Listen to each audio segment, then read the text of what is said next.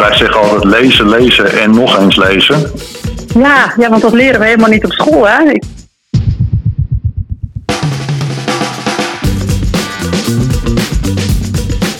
Leuk dat je luistert naar de gunningsfactor van aanbestedingscafé.nl. De tweewekelijkse podcast voor aanbesteders en inschrijvers. Mijn naam is Sander van der Broek en iedere aflevering praat ik met experts uit het vakgebied over een thema of een actualiteit. In deze aflevering gaan we op de stoel van de inschrijver zitten. Waar moet je als inschrijver op letten om een aanbesteding binnen te halen? Hoe schrijf je een winnende offerte? Wat moet je zeker niet doen en wat zijn de grootste frustraties bij het inschrijven op tenders? Ook als aanbestedende dienst wil je graag de beste offerte ontvangen. Wat kunnen zij doen om de beste deal binnen te halen? Je hoorde zojuist al korte fragmenten van onze gasten. In deze zevende aflevering praat ik allereerst met Marco Visser. Zijn bedrijf Tendersucces begeleidt bedrijven bij het winnen van aanbestedingen.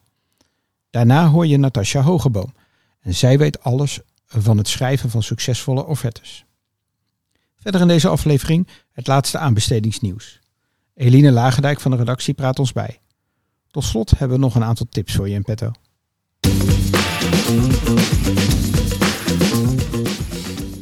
Als je mee wil dingen naar opdrachten van publieke diensten, dan heb je binnen de Europese Unie te maken met aanbestedingsregels.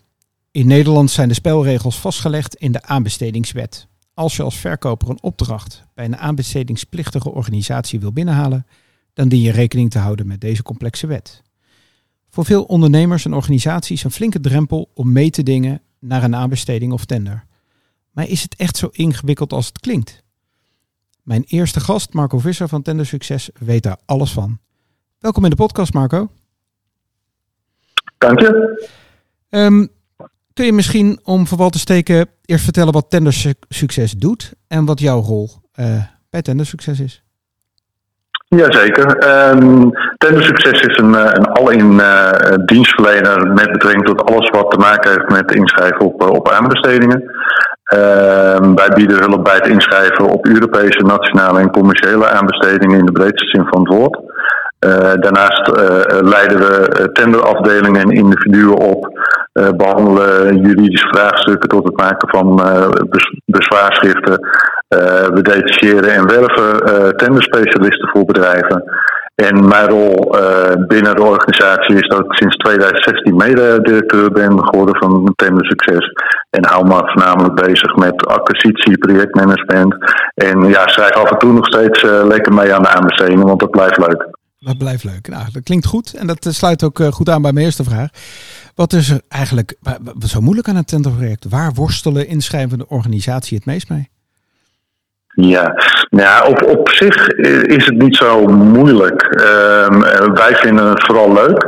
En wij proberen het voor onze klanten ook vooral makkelijk, leerzaam en kansrijk te maken. En ehm, ja, het gebeurt wel dat aanbestedende diensten het voor inschrijvers ingewikkeld maken. En dat komt dan vooral door eh, ja, onduidelijkheden. Ehm, soms vragen stellen die niet proportioneel zijn of te complex zijn in verhouding tot, de, ja, tot eigenlijk de staat van de opdracht. Ehm, ja, en dat maakt het vooral voor, eh, voor inschrijvers wel eens lastig en eh, soms zelfs moeilijk. En waar ze vooral mee worstelen is ehm, toch wel vooral de vertaalslag maken van hun brede kennis en expertise. Om die terug te brengen naar de essentie eh, van de eisen en wensen van de aanbestedende dienst.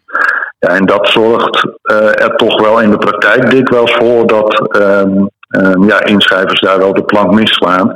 ehm, bij het beantwoorden van, van de vraagstelling. En ja, uiteindelijk daardoor minder beoordeling eh, krijgen we op het kwaliteitsdeel. Precies, en, door, en de, de opdracht mislopen. Maar hoe, stel, ze gaan daar, Ja. stel ze gaan daarmee starten. Wat, wat moeten ze doen? Wat, eh, wat, wat, wat is het eerste waar je aan denkt als, eh, als je een inschrijver zou moeten adviseren om een aanbesteding te kunnen winnen?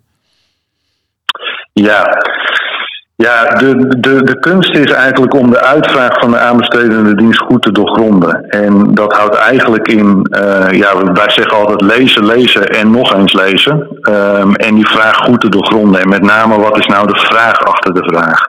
Ehm, vervolgens de uitvraag eh, zo smart mogelijk op papier krijgen. Ehm, door ja, specifiek, meetbaar, acceptabel, realistisch en tijdsgebonden te antwoorden. Ehm, en indien gevraagd ehm, te onderbouwen met dominante prestaties. Ehm, ja, en indien je dat uiteindelijk goed doet of zelfs excellent doet, ja, dan haal je ook de hoogst mogelijke score op het kwaliteitsdeel. En het inschrijven op een aanbesteding, is dat nou typisch iets wat je zelf moet doen? Of is dat ook iets wat je makkelijk kan uitbesteden? Ja, ja dat, dat is de vraag. Ehm, kijk, wij zeggen altijd: doe vooral zelf waar je goed in bent. En besteed uit waar je minder goed in bent of niet goed in bent. Ehm, dus, dus ja, wij, als we naar onze klanten kijken, kijken of, of partijen die uh, zich bij ons aanmelden uh, voor hulp bij een aanbesteding, dan gaan we vooral eerst kijken wat ze zelf kunnen doen. Mm -hmm. en ja, hetgeen waar, uh, waar ze gewoon minder goed in zijn, daar zijn wij graag van dienst. En dat kan zijn natuurlijk een hele aanbesteding, maar dat kan ook een deel van de inschrijving zijn. Maar wat vooral belangrijk is, is dat je nou ja, voordat je in gaat dienen, het liefst vijf dagen voor indiening, altijd eh, de uitgewerkte inschrijving uh, nog eens laat tegenlezen. Uh, en een dubbele check doet op, op de documenten die ingediend moeten worden. En ook dat kunnen wij uiteraard doen voor onze klanten. Um, en dat noemen wij het vier ogen principe. Ja. Uh, waarmee je natuurlijk uitsluiting, uit, of, uitsluiting voorkomt. Ja, precies. Nou ken ik als on ondernemers als bovengemiddeld eigenwijs. Um, mm -hmm. Kortom, ondanks dat ze dit advies van je te harte konden nemen, zullen ze misschien toch aan de slag gaan met iets waar, waar dat ze beter hadden kunnen uitbesteden. Of andersom. Um, ze laten het iemand anders schrijven, terwijl ze misschien zelf veel beter on, in staat zijn onder woorden te brengen waarin ze zich bijvoorbeeld onderscheiden. Um, ja. Wat ben jij in je praktijk tegengekomen um, uh, waarvan je later dacht, nou dat had precies andersom uh, gemoeten? Um, ja, dat is een goede vraag. wat wij in de praktijk nog wel eens tegenkomen, is dat men vanuit hun eigen kunnen schrijven, Um, waarbij uh, je moet oppassen dat je ook niet te veel op je eigen borst gaat kloppen van kijk eens hoe goed wij zijn en wat we allemaal kunnen. Um, en daarbij. Sorry? Wij van WC Eend? Ja, precies. Ja, die. Ja. En daarbij eigenlijk, nou ja, wat ik net al noemde, de, de essentie van de vraagstelling uit het oog verliezen. En uh, daarmee dus eigenlijk geen antwoord op de vraag geven. Ja, precies. Um, nou, uh, luisteren er heel veel inschrijvers. En mhm. die, uh, die uh, ongetwijfeld al ervaring hebben met het inschrijven of dat overwegen te gaan doen. Wat, welke tips zou je aan hen willen meegeven? Waar zouden ze zeker op moeten letten? Ja, vol, vol, volgens mij heb ik uh, in de eerste vragen al wat tips gegeven. Uh, maar wat ik, als ik er dan toch nog een belangrijke toe moet, moet voegen. Ehm, zorg dat je op tijd ingelezen bent in alle stukken. Ehm, op het moment dat een, een, een aanbesteding wordt gepubliceerd, pak hem gelijk op. daarmee ben je altijd op tijd om als je vragen hebt, die vragen te kunnen stellen voor de nota van inlichtingen. Um, en wat we zien in de praktijk is dat het toch dikwijls gebeurt dat men uh, pas start als de vragenronde al voorbij is. Um, ja, en dan ben je gewoon niet meer in staat om uh, vragen die je hebt uh, beantwoord te krijgen. Um, en dus ook niet altijd in staat bent om ja, de beste inschrijving te kunnen doen. En dat is gewoon, ja, dat is gewoon zonde. Oké, okay, laatste vraag, Marco. Ik, laten we de rol eens omdraaien. Um, hè, want mm want als ik als aanbestedende uh, dienst, dan wil ik uiteraard ook, dan heb ik een, uh, een tender uitgeschreven en dan wil ik graag dat daar de allerbeste offertes op uh, retour gestuurd worden. Wat kunnen zij doen om betere tenders tot stand te laten komen? Ja, ehm, nou wat, wat sowieso fijn is, wat een aanbestedende dienst ehm, ehm, kan doen om inschrijvers te helpen, is de aanbestedingsdocumenten met aandacht samenstellen. Um, in de praktijk merken we nog wel eens dat, uh, dat er veel tegenstrijdigheden in staan. Um, soms uh, wensen niet met elkaar stroken. Of in uh, een aantal vragen die gesteld worden, overlappingen zitten waar je zit te worstelen. Ja, waar moet ik wat nou plaatsen? Um, dus dat. maar ook een proportionele uitvraag doen ten aanzien van de opdracht. Soms worden er dingen gevraagd, uh, hoeveelheden uh, waarvan we denken, ja, maar het gaat om een opdracht van een, nou ja, zeg een paar ton. Uh, en wat we hier allemaal voor moeten doen en wat vooral de inschrijver er allemaal voor moet doen, ja, dat is gewoon niet in verhouding. En dat levert heel veel frustraties op. Ehm, en uh, ja, ook dat komt uh, de aanbestedende dienst uiteindelijk niet ten goede. Omdat ze ja, dan de kans lopen dat ze eigenlijk de beste partij, uh, dat of die afhaken of gewoon niet goed weten hoe zij de vraag moeten beantwoorden. Terwijl ze echt de beste oplossing hebben voor, voor de opdracht. Hey Marco, ja. ontzettend bedankt uh, voor uh, je bijdrage in deze podcast. En, uh, Graag gedaan.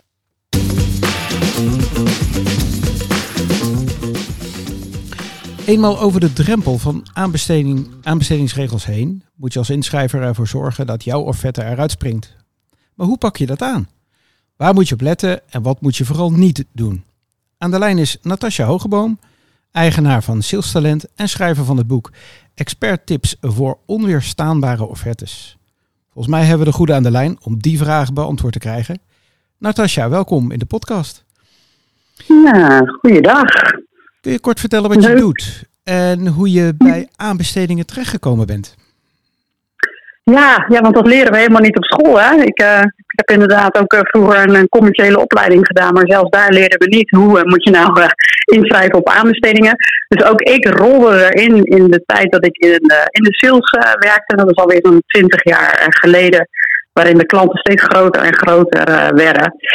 En ja, dan kom je op een gegeven moment dat het gewoon wat officiëlere procedures gaan worden. En dan kom je in de wereld van, van aanbestedingen terecht. En ja, toen ging er een vlammetje branden. Okay. En uh, ik zit er nog steeds in. ja. ja, dat, uh, dat mag ik hopen. Anders uh, schrijf je er geen boek over. Um, nee, op, op, je, op je website lees ik over smart inschrijven op aanbesteden. Wat versta je daaronder? Ja, nou, ik denk dat het een beetje zo rond 2012 is geweest, hè, toen die nieuwe aanbestedingswet kwam, dat ineens smart een beetje de name of the game werd. Er werd steeds meer gevraagd door beoordelaars van ja, het plan moet wel smart geschreven zijn. En dat snap ik ook. Hè. Ze willen natuurlijk kunnen controleren en kunnen verifiëren wat er dan allemaal geschreven wordt door, uh, door de inschrijvers. Mm-hmm. Ik moet wel zeggen dat ik zelf een iets andere visie heb op het woord smart dan menig een denkt vaak. Want het is veel meer in mijn ogen dan, dan concreet en duidelijk schrijven. Je, je, plan moet gewoon hartstikke aantrekkelijk zijn en uiteindelijk realistisch zijn. Dus die A en die R in dat woordje smart, daar draait ook wel heel veel om. Is jouw plan echt wel acceptabel? Uh, en ja, is die dus aantrekkelijk genoeg voor, uh, voor de aanbestedende dienst? Maar is die ook realistisch geschreven? Er worden nog wel eens verhalen geschreven die niet helemaal realistisch zijn, hoe duidelijk ze ook zijn. Dus dat is voor mij echt smart inschrijven op aanbestedingen. Zorgen dat het duidelijk is, helder is, maar ook nou, aantrekkelijk. Oké. Duidelijk verhaal. Nou, um, hè, willen we uiteraard een aanbesteding, als we daarop inschrijven, ook graag uh, winnen. En ik las op je website, je gebruikt daarvoor de gunfactor-methode. Ja, goede naam uiteraard, uh, uh, gezien de naam van onze podcast. Maar wat versta jij eronder? Ja, nou, kijk, die G en die U en die N, die zou je ook als een soort acroniem kunnen zien. Hè? Net zoals SMART een acroniem is, zou je de G, U en N ook zo kunnen zien. En dan begint het al bij uh, een goede voorbereiding, de G van goede voorbereiding. En daar gaat het ook al veel mis, uh, merk ik, bij inschrijvers. dat ze te snel eigenlijk al willen gaan schrijven, te snel al gelijk, oh, deze gunningscriteria moeten beantwoorden, deze vragen moeten beantwoorden. Ze gaan gelijk beginnen. Terwijl ja, toch wel handig is om je vooraf eventjes goed te verdiepen in, in de klant, in de aanbestedende dienst. Wie zijn die beoordelaars? Wat zijn nou echt hun doelstellingen? Um, ja, wat, wat, wat willen ze meer of minder? Hè? Wat zijn hun pijnen en plezieren, noem ik het ook wel eens. Van, uh, ga eerst eens verdiepen. Wat, wat, wat, moet er nou echt gebeuren? En, en ja, wat willen ze bereiken? Of willen ze juist meer of minder? Ja, en dan de U. Um, enerzijds moet je jezelf ook wel een beetje makkelijk maken om uniforme teksten te hebben op de plank, zeg ik wel eens. En dan bedoel ik daar niet mee dat je letterlijk vanaf de plank gewoon weer een standaard copy-paste gaat doen. Mhm. Maar je moet natuurlijk ook niet steeds het wiel weer maar weer opnieuw uitvinden. Dus bepaalde procedures die toch echt regelmatig gevraagd worden. Denk aan implementatieplannen of Ja. klachtenprocedures of hoe borg je je kwaliteit. Ja. Zorg nou dat de basis gewoon goed op de plank ligt. En dan kun je daarna uniek maken. Hè? Dus de U van uniform en uniek. Gewoon, dan, dan kun je het daarna uniek maken. Waarmee ik dus bedoel dat je het dan echt natuurlijk ja, laat aansluiten bij wat de klant echt wil, eh, wil hebben. Oké, dan mis ik Ja, en dan de last. Ja, inderdaad. Dus last but not least is de N. En dat is eigenlijk van niet te weerstaan. Dus hoe zorg je ervoor dat jouw plan dan uiteindelijk ook echt onweerstaanbaar gaat, eh, gaat worden? Ja, en dat, dat zit natuurlijk in meerdere dingen. Als ik die dringend te, te harte neem, dan, eh, dan eh, stijgt mijn succesratio. eh. Zeker weten. Ja, ja. Ehm, ja, ik ben, ik ben zelf nogal iemand die van eh, persoonlijk contact houdt. En op het moment dat ik iets wil, een offerte aan iemand wil sturen, dan zoek ik het persoonlijke contact op. Dat ligt bij aanbestedingen lastig. Dat is de, lang niet altijd mogelijk of maar heel beperkt. Ehm, hoe vind jij dat, eh, dat inschrijvers daarmee om zou moeten gaan? En dat lijkt zo, hè, alsof het allemaal maar lastig en beperkt is. Maar ik zeg dat ook heel vaak tegen trainingen. Het is niet zo dat we eh, een organisatie doet zaken met een organisatie. hè. Ook achter een aanbesteding zitten nog steeds mensen. En een aanbesteding begint niet op het moment dat die eh, ge- gepubliceerd wordt op Tendernet. In mijn ogen, als je een go- goed salesapparaat hebt neergezet, weet jij al, ah, volgend jaar gaat die ene aanbesteding weer aankomen.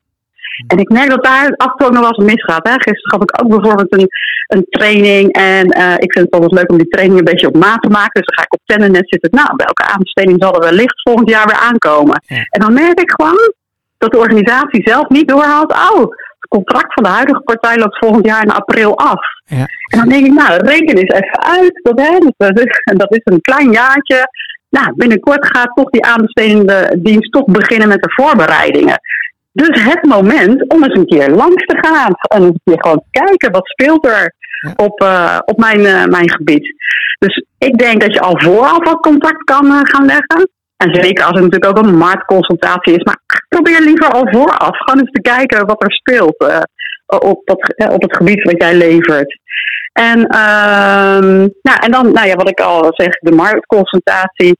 Ik zou altijd mijn gezicht laten zien. En eh, nou ja, als jij eh, iets speciaals hebt wat een ander niet hebt, kijk of je daar ook al een beetje invloed eh, op kan uitoefenen in die marktconsultatie. Maar vooral ga, ga ook onderzoeken wat nodig is. Ja, en dan last but not least, de noten van inlichtingen. De noten van inlichtingen, daar laten toch ook nog wel veel inschrijfskansen liggen. Stel vragen, stel vragen als iets onduidelijk is. Ja. Nou, ik merk kort gezegd, en dat zullen een aantal luisteraars wel herkennen als ze zelf eh, inschrijver eh, zijn op, eh, op aanbestedingen, dat ze soms te laat beginnen met goed lezen. Ja. En dat de eerste vragenronde al voorbij is. En dat ze dan daarna denken, maar wat bedoelen ze nou eigenlijk met deze gunningscriteria? En dan zijn ze te laat. Ja. Dus ja, begin echt al gewoon in de week na publicatie om goed te lezen. Begrijp ik alles? En zo niet, stel vragen. Stel vragen. Nou, kan ik me voorstellen dat jij eh, behoorlijk wat eh, offertes eh, voorbij hebt zien komen en ook gezien hebt hoe partijen dat aanpakken. Wat is nou de meest gemaakte fout die inschrijvers maken als ze willen meedoen bij een aanbesteding? Ja, de meest gemaakte is wel een lastige vraag, maar veel gemaakte, want ik, ik heb ze nooit geteld, van, ik heb ze nooit geturfd, dit is de meest gemaakte. Mhm. Maar wat mijn oog, waar mijn ogen echt de laatste tijd op valt, is eigenlijk hoe wij überhaupt de offerte beginnen. Gewoon onze openingszinnen. Eh, ik zie er inderdaad honderden per jaar van al die deelnemers aan trainingen. En echt wel de grootste groep, die dus nog niet getraind is, begint echt met de offerte met zinnen als. Wij zijn een, nou, noem even, een schoonmaakbedrijf, gestart in 1959 en we hebben landelijke dekking. En dan ben jij een klein schooltje in een eh, leuke gemeente of zo. Ja. Ja, hoe cares? En dan moet ik altijd zo lachen dat ik denk, be- eh, beseffen we ons wel eh, ja, hoe we eigenlijk de offerte beginnen. En nou, toevallig ben ik vandaag ook een review aan het doen. En dan heb ik daar ook op gereageerd. Wat besef je dat zo'n inkoper of de beoordelaar net misschien een vergadering uit is gekomen of net heeft gegeten En denkt, nou, ik ga eens even een offerte beoordelen. Pak er een bakje koffie bij. En dit is dan jouw openingszin. Ja, ja. Hoe komt dat over? En dat is echt wel heel grappig. Als je daarop gaat letten. Ik denk gelijk al dat het een hele belangrijke tip is. Ga eens letten gewoon hoe, hoe staat jij nou eigenlijk gewoon met je offerte. Ja. Dus de eerste indruk is uh, cruciaal. Ja. Ja, en daar kun je al gelijk de klant ook een beetje in de ja-modus zetten. Hè? Dus het zijn gewoon simpele manieren voor om dat ook uh, voor elkaar te krijgen. Maar laat daar al zien dat je echt begrijpt wat er nodig is. Als je zoveel offertes uh, voorbij ziet komen, dan kan ik me niet anders voorstellen dat daar ook wel eens iets in staat waarvan je denkt, hoe heeft de bedenker het kunnen opschrijven? Wat is het leukste, ja. grappigste, domste wat je ooit hebt gelezen? Ja, dom hebben we misschien net al gehad. Hè? Dat ik, Ja. dat, dat begin ik steeds dommer te vinden. Ja, snap ik. Maar ja, bij het leukste of grappigste komen er eigenlijk twee dingen in me op. Ehm, enerzijds, er worden echt wel hele mooie opmaakdingen gedaan. Ik kan natuurlijk niet helemaal verkloppen wat, want ik, ja, het is ook vertrouwelijk. Maar Mhm. eh, gewoon hè, hoe de vormgeving eruit ziet. Mhm. Ik, ik moet ook zelf zeggen dat ik zelf ook daar wel eens achter zat hoor. Dat ik echt onder het douche sta. Dat ik dacht, oh, wauw, we moeten dat doen. En dat het daardoor nou net even er anders uitzag dan eh, alleen maar gewoon zwarte letters op wit papier. En dat het dan echt ook ja, heel erg gewaardeerd werd door de klant. Aha, Omdat ze het dan wel zo klantspecifiek hadden gemaakt. Mhm. Dus beeldend, hè, dat Ja. visuele aspect. Ja. Maar het andere ja, is eigenlijk ook in het kader van beeldend, is beeldend geschreven. Dus ehm, wat ik daarmee bedoel, is we zijn vaak natuurlijk in aanbestedingsteksten, denken we dat we heel zakelijk moeten opschrijven wie doet wat wanneer. En dat is ook zo. Maar er zijn sommige onderdelen die je best wel wat beelderder als een soort storytelling kan vertellen. Sterker nog, als je het op die manier doet, is het voor de lezer ook veel duidelijker wat je eigenlijk doet. Dus dan was er van spreken ook geschreven, er was eens. of, eh, hè, en dan kwam de medewerker 's ochtends om acht uur aan en het zonnetje ging net onder en die kwam op zijn fiets. Want dat was ook beschreven, hè? het moest duurzaam zijn, dus kwam op zijn fiets. Precies. Ja. Gaat eerst een bakje koffie drinken en vervolgens dan maakt hij nog even een praatje en vraagt hij aan de, nou, eh, aan de manager wat er moet gebeuren.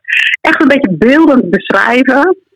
Eh, ja, ik vond het heel erg leuk en ik weet ook, eh, het is meerdere keren gedaan, dat het ook erg goed gewaardeerd werd, omdat de lezer het meteen ook voor zich zag wat er geleefd zou gaan worden. Hey, een laatste vraag tot slot. Ehm, wat is nou jouw gouden tip om de inschrijver, het, nou ja, waar een inschrijver zich aan zou moeten houden, of waar die die zou moeten opvolgen als hij maximaal rendement wil hebben voor de tijd die die in zijn offerte heeft gestoken? Ehm, misschien een hele vreemde tip.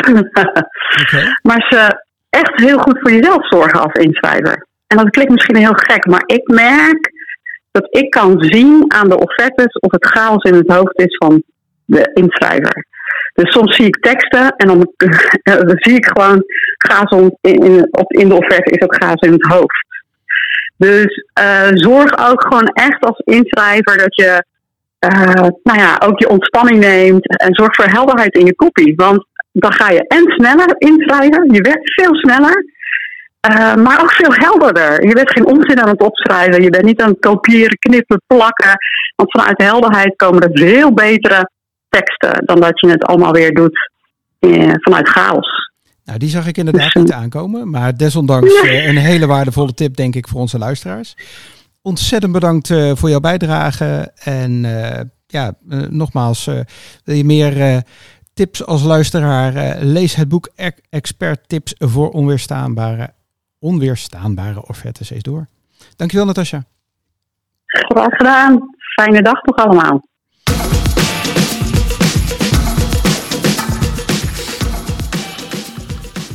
En dan nu het eh, laatste aanbetelingsnieuws. In de studio Eline Laagdijk. Ja. Hallo Eline. Eh, hallo Sander. Ehm, gemeenten kiezen bij nieuwe contracten in het sociaal domein veel vaker voor inspanningsgerichte contracten in plaats van outputgerichte contracten. Dat constateren Niels Unk en Madelon Wind in de monitor gemeentelijke zorginkoop. Zij zien dat de eerder ingezette trend richting resultaatsverplichting plotseling stopt. Vermoedelijk heeft dat te maken met de coronacrisis. Gemeenten durfden in het coronajaar niet over te stappen op een nieuw financieringsmodel of wilden grip houden op de kosten. Nou ja, zich geen opvallende conclusie. Uh, dan een opvallend bericht over het ministerie van Volksgezondheid dat volgens de Algemene Rekenkamer de financiën niet op orde heeft. De Algemene Rekenkamer constateert namelijk dat het ministerie van Volksgezondheid, Welzijn en Sport de 5,1 miljard euro die vorig jaar is uitgegeven aan coronamateriaal niet kan verantwoorden. Het is bijvoorbeeld niet duidelijk waar de ingekochte beademingsapparatuur is gebleven en ontvangstbewijzen ontbreken. Het is, en daarnaast is het niet duidelijk of bestellingen daadwerkelijk zijn geleverd. Ja, dat, uh, dit nieuws kwam uh, al groot in alle media voorbij. Uh, zowel op, bij de actualiteitenprogramma's tot aan de, de, geschreven pers. En wij berichten de vorige podcast al over. Toen zoomden we in op de corona-zelftest en werd hadden we Robert Ries aan de lijn die uitlegde wat er dan misgaat in zo'n uh, in zo'n procedure. Waardoor je tot uh, prijzen komt die vele malen hoger liggen dan, uh, dan wat je er redelijkerwijs voor zou moeten betalen.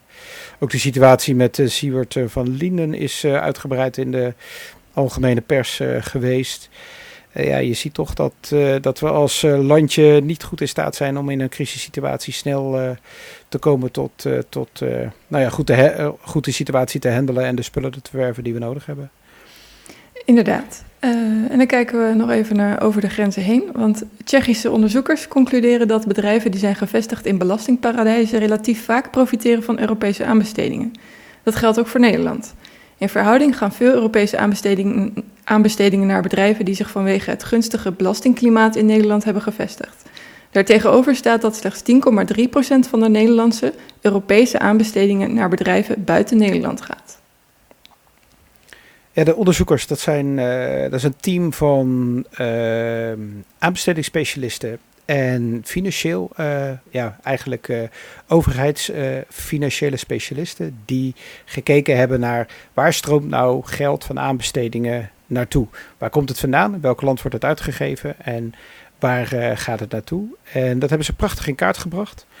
Um, ik kan eigenlijk alle luisteraars ja, adviseren om een kijkje te nemen op tenderhaven.eu.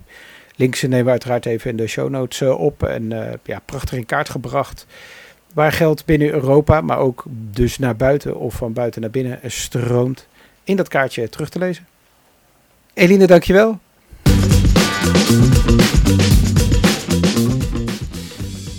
Tot slot hebben we nog een aantal tips voor je.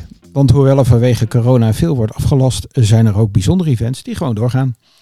Zo vindt op 3 juni het 15e Piano-congres plaats. Deze vindt volledig online plaats en is daarom eenvoudig te volgen Sprekers zijn onder meer Apple Bruins, voormalig Tweede Kamerlid, en Annieke Wildervank de Bleekoer van het ministerie van Onderwijs, Cultuur en Wetenschap. Ook staan er een aantal workshops op het programma. Navy organiseert samen met Canon een kennissessie op 29 juni. Senior Manager Commercial Operations Wout Groeneveld deed namens Canon onderzoek naar het effect van kwaliteit van een bestek. Het onderzoek betrok 10.000 tenders uit de Nederlandse markt. Eerder verscheen over dit onderzoek een artikel in vakblad Deal. In de show notes vind je een link naar het event, maar ook uh, naar het artikel uit Deal. Als je een carrière in de consultancy overweegt of, een nieuwe, of je carrière een nieuwe impuls wil geven, noteer dan 18 juni in je agenda. Het Utrechtse Significant Synergy organiseert dan een digitale meet and greet. Je krijgt de kans om te proeven aan het werk van een consultant en er wordt stilgestaan bij jouw leer- en ontwikkelmogelijkheden. Tot slot nog een tip van Marco Visser, die je eerder in deze podcast hoorde. En, en, ja, en, en dat is de reden waarom wij op 28 september uh, een meet and greet organiseren met inkoop. Uh, waar we een platform creëren voor inschrijvers en inkopers. Uh, om nader tot elkaar te komen. En ja, in, in, in die bijeenkomst hebben we, hebben een aantal interessante gastsprekers. En ja, dan kunnen we eens kijken van, van wat kan de aanbestedende dienst nou, nou beter doen? En, uh, en wat kunnen wij als inschrijver daar, uh, daar ook in betekenen?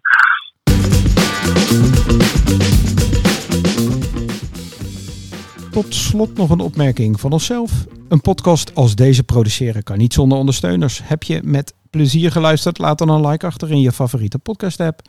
En vertel je collega's over podcast De Gunningsfactor. Een reactie via onze socials, Twitter of LinkedIn of gewoon via de website stellen we zeer op prijs. Uiteraard kun je ook een opmerking of vraag mailen. Doe dat dan naar podcast aanbestedingscafé.nl. De leukste vraag of reactie belonen we met een verrassingspakket. Het pakket van de vorige aflevering is gewonnen door Geert van Marel, proficiat Wil je je bedrijf, dienst of product verbinden aan deze podcast? Stuur dan een bericht aan partner apenstaatje aanbestedingscafé.nl. Dan eh, zenden we je alle mogelijkheden toe. Dank voor het luisteren en tot over twee weken.